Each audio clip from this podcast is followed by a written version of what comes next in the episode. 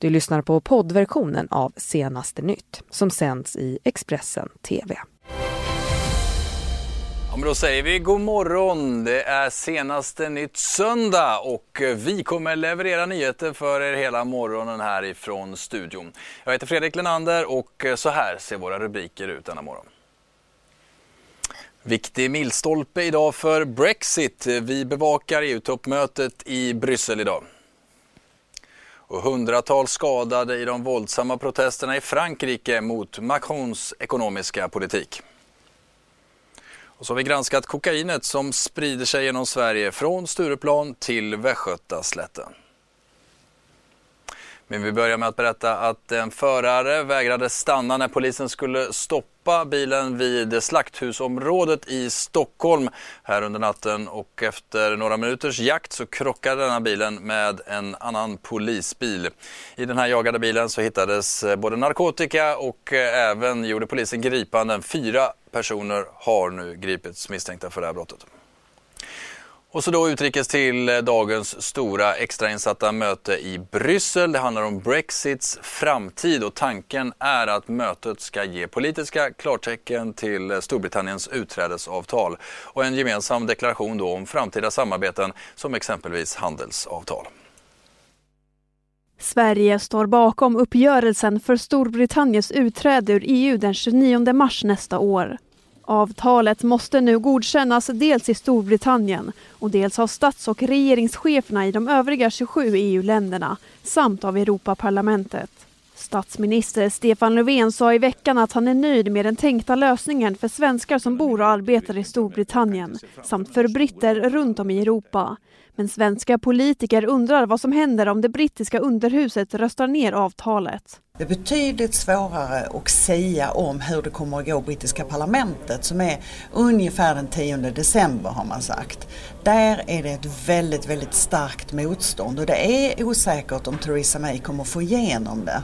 Det allvarligaste scenariot är en så kallad hård Brexit som gör att Storbritannien direkt klipper de flesta banden till EU. Det innebär bland annat att landet lämnar EUs inre marknad, tullsamarbete och EU-domstolens jurisdiktion. En hård Brexit skulle även ge Storbritannien full kontroll över sina landsgränser. Och det nordirländska partiet DUP har meddelat att man inte tänker ge sitt stöd till Theresa May då gränsfrågan mellan Irland och Nordirland är en av de mest utmärkande konflikterna i uppgörelsen. They have broken quite, in fact they haven't broken, they've torn up their side of the bargain when it has come to Brexit. They've torn up their own manifesto to the people of the United Kingdom as a whole. En annan gränsfråga som också visat sig bli en stötesten i utträdesförhandlingarna är den brittiska enklaven Gibraltar. För runt 10 000 spanjorer pendlar över gränsen dagligen för att jobba och sent i förhandlingarna så krävde Spanien garantier för att få inflytande över den här urgamla gränskonflikten. Men sent igår så meddelade brittiska premiärministern Theresa May att den här punkten kan nu strykas från dagordningen. We have ensured that Gibraltar is covered by the whole withdrawal agreement and by the implementation period, and we will always negotiate on behalf of the whole UK family, including Gibraltar. And in the future relationship, we will stand up for their interests. And the UK's position on the sovereignty of Gibraltar has not changed and will not change. Ja, men även om det blir ett underskrivet avtal idag så återstår ju fortfarande den tuffaste processen. Det är att få det brittiska parlamentet att godkänna avtalet. Det här väntas bli en omröstning i december. Men första steget idag och detta bevakar vi alltså på Expressen TV. Nu till att eh, det var enorma protester igår igen i Frankrike, detta mot Emmanuel Macrons miljöskatter. Sammanlagt så protesterade mer än 100 000 fransoser över hela landet och eh, omkring 620 personer skadades, varav 17 allvarligt och minst 35 personer arresterades under dagen. Det här rapporterar Le Monde. Senaste året har dieselpriset i Frankrike stigit med 23 procent och ytterligare höjningar efter årsskiftet är nu att vänta. Under lördagen uppstod våldsamma scener när polis drabbade samman med demonstranter i Paris. Det här är andra helgen i rad som invånare protesterar mot president Macrons ekonomiska politik som bland annat lett till höjda bensin och dieselpriser. Det var vid den berömda Avenyn Champs-Élysées som tusentals människor samlades i gula reflexvästar för att uttrycka sitt missnöje. Och oroligheter uppstod när demonstranter försökte ta sig igenom en säkerhetsbarriär på Paradgatan. Polisen använde tårgas och vattenkanoner för att avvärja våldsamheterna. Enligt franska Le Monde har hundratals demonstranter skadats i drabbningarna varav 17 skadats allvarligt. Och på lördags eftermiddagen hade minst 35 personer gripits av polis. Dieselpriset i Frankrike har under de senaste 12 månaderna höjts med 23 procent. Regeringens senaste beslut att höja priserna ytterligare blev droppen som fick bägaren att rinna över. Enligt Macron beror det stigande bensinpriset på världsoljepriser men också på investeringar i förnybar energi. Faire payer toutes les grosses boîtes comme McDonald's qui, qui polluent et tout ça, c'est le premier pollueur de France. Après, ben, toutes les grosses entreprises qu'elles payent des impôts comme tout le monde. Hein. Parce qu'il y en a beaucoup comme Ikea, comme euh, je sais pas, euh, bah, et puis les gros patrons. Hein. Et surtout remettre l'ISF, c'est le trou qui manque en fait. Il a supprimé l'ISF hein, et il fait payer les petits maintenant. Et ça c'est pas normal. Macron skriver på Twitter att han är tacksam för landets ordningsmakt och deras arbete men att de demonstranter som agerat våldsamt och bland annat hotat journalister och tjänstemän nu borde skämmas. Går tillbaka till Sverige för en gymnasieskola i Skåne anställde en lärare trots att denne dömts för tre fall av sexuellt ofredande. Det visar en granskning av lärarlegitimationen som Sveriges Radios Ekot har gjort. Vid anställningstillfället hade mannen en lärarlegitimation och klara referenser men skolan kontrollerade aldrig belastningsregistret. När uppgifterna om domen kom fram valde läraren att lämna arbetet. Det här skriver Helsingborgs Dagblad om.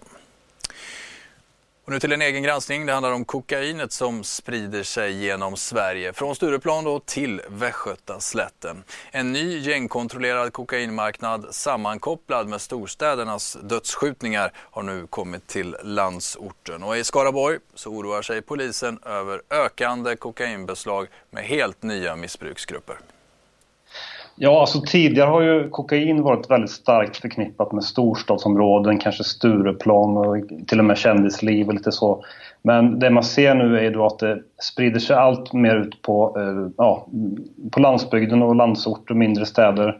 Eh, det nya man också ser utöver den här ökningen utanför storstadsområden är just att eh, det sker allt mer öppet. Man, I de här polisutredningar som jag tittat på ser man då att, att det är eh, inte sällan på, på krogtoaletter som, som handeln sker. Det, det har stått liksom okända personer då inne på toaletterna och uh, sålt uh, kokain till uh, ja, oftast berusade unga män har oftast varit i 25-30-årsåldern. Uh, ja, ungefär så, så ser handeln ut. Mm. Och då svarade du lite på vilka dessa nya kokainköpare är. Men eh, vilka skulle du säga är de nya kokainköparna? Ja, då man ser eh, här då, jag har tittat framförallt då på eh, eh Skaraborgsområdet i västra Sverige eh, i orter som Skövde, Lidköping, Mariestad och, och Skara och så vidare. Eh, det, man kan säga att det är någon slags medelklassungdomar som eh, sällan har använt narkotika tidigare. De har Eh, köpt för första gången inne på någon krogtoalett exempelvis på något stadshotell i Lidköping exempelvis. finns sådana fall. Eh, de har inte någon historik av kriminalitet sedan tidigare. Eh, de har eh, oftast fast anställning på något, eh, ja, på ett arbete någonstans i Skaraborgsområdet. Eh, kommunanställda, hantverkare eh, ja, jobba, någon som jobbar med personalfrågor och så vidare. Eh, det är ju en, kanske en, en, ny målgrupp som man riktat in sig på. Det finns också de klassiska missbrukarna som förekommer men de skulle jag säga är i minoritet. Den, den största gruppen som, som eh, åtminstone bland de som åker fast är ju då eh, personer som inte tidigare förekommit i, i hos eh, polisen. Så lite sport för eh, det var planerat en stormatch igår i Sydamerikas Champions League, Copa Libertadores och eh, den matchen hade på förhand kallats för finalernas final. Det handlar om Buenos Aires-lagen Boca Juniors och River Plate som skulle göra upp om titeln då under gårdagen men en stor skandal inträffade när Bocas spelarbuss attackerades på väg till arenan. Vi ser bilder på detta här. Stenar, flaskor med mera kastades mot bussen där flera rutor krossades och det uppstod tumult när polisen också då sprutade tårgas för att försöka skingra folkmobben utanför. Och gas tog sig då in i den här spelarbussen och bland annat superstjärnan Carlos Tevez och fyra av hans lagkamrater blev så illa omtöcknade och fick i sig så pass mycket tårgas att de då kräktes i omklädningsrummet innan matchen. Det var stort rabalder om matchen skulle kunna spelas och Tevez var bland annat ute i intervjuer och pratade om hur orolig han var för detta. Sent under gårdagskvällen så meddelades det dock att matchen ställs in, skjuts upp och planen är att det här dubbelmötet då äger rum ikväll istället. Första mötet slutade 2-2 mellan lagen på Bocas hemmaarena La Bombanera. Och så till gårdagens skidor, för det var ju världscuppremiär i Ruka och Eh, det var sprint för både damer och herrar. Stina Nilsson låg riktigt bra till, såg stark ut den hela dagen men föll på upploppet. Och för herrarnas del så var det Johannes Hösflot Kläbo som eh, slutade åka innan mållinjen och kom tvåa. Ja, gårdagen var istället eh, nykomlingarnas dag. När eh, Stina Nilsson körde rakt in i väggen inför eh, sista kurvan så var det istället två stycken andra svenska åkare som kom upp på pallen. Tvåa Maja Dahlqvist, trea Ida Ingemarsdotter. Thomas, hur överraskade du över den här pallen? Ja, vi hade ju pratat på förhand om att det var Hanna Falk och Stina vi skulle hoppas på idag. Båda gjorde bort sig på varsitt sätt kan man säga. Och ändå har vi två svenskar på pallen. Ändå har vi då Moa Lundgren i semi, vi har eh, Anna Dyvik i semi. Alltså det är ett fantastiskt eh, laginsats Sverige gör här. Så det här var ju roligare än eh, man kunde ana faktiskt. Och det var alltså sex av sex stycken svenska damer vidare. Fem av dem tog sig till semifinal, två på pallen. Och Norge, inte en enda på pallen, en i final. Är det ett maktskifte vi har sett här? Det är ett maktskifte. Det är det? Ja. Jag pratade med Rickard Grip precis, Sveriges eh, landsla landslagschef här. Han är inte förbundskapten längre. Han är landslagschef. Han är landslagschef. Jag har skrivit fel några gånger, förlåt. Eh, han sa att ja, ryssarna är bra också, men de är inte lika bra som Sverige. Så Sverige är eh, bäst just nu i alla fall. Hoppas att det här håller i sig. Och du var eh, som sagt rätt förvånad över att eh, det var två stycken lite oväntade eh, svenskar på pallen kanske. Det var inte Ida Ingemarsdotter. Det känns som att det är ett ganska bra sprintlag vi har. Ja, men det har jag sagt hela tiden. Nej, så nu vet vi det. Sverige har alltså ett bra damlag i sprint och eh, som sagt, vi har varit inne på det, talangen eh, Moa Lundgren eh, in på en eh, semifinalplats, men lite speciella scener inför hennes kvartsfinal, eller hur? ja, alltså det hon gjorde på startlinjen om man säger så, det såg väldigt konstigt ut. Ja, lite gäspningar. Konstigt när man står inför kanske ett av karriärens viktigaste lopp. Men ja, hon har gjort samma sak förr. Ja, jag gör det hela tiden. Ja, men jag vet inte. Det blir, det blir nog fler gånger desto mer nervös jag är. Så du har hållit på så här varje gång du är nervös, då börjar du gäspa eller? Ja, du kan kolla min JVM-start så står jag väl och gäspar konstant i två minuter. Nu till lite väder för det är kallt även i Sverige. Nordliga vindar med kallluft har ju täckt landet och det är faktiskt för årstiden låga temperaturer efter den här ovanligt varma hösten.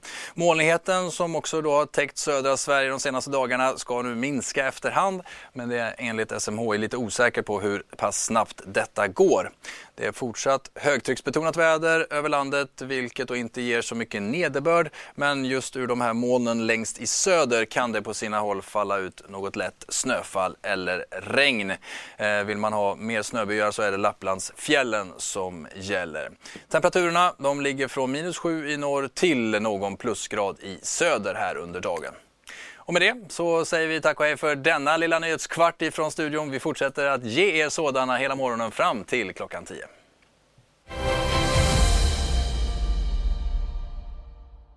Du har lyssnat på poddversionen av Senaste nytt.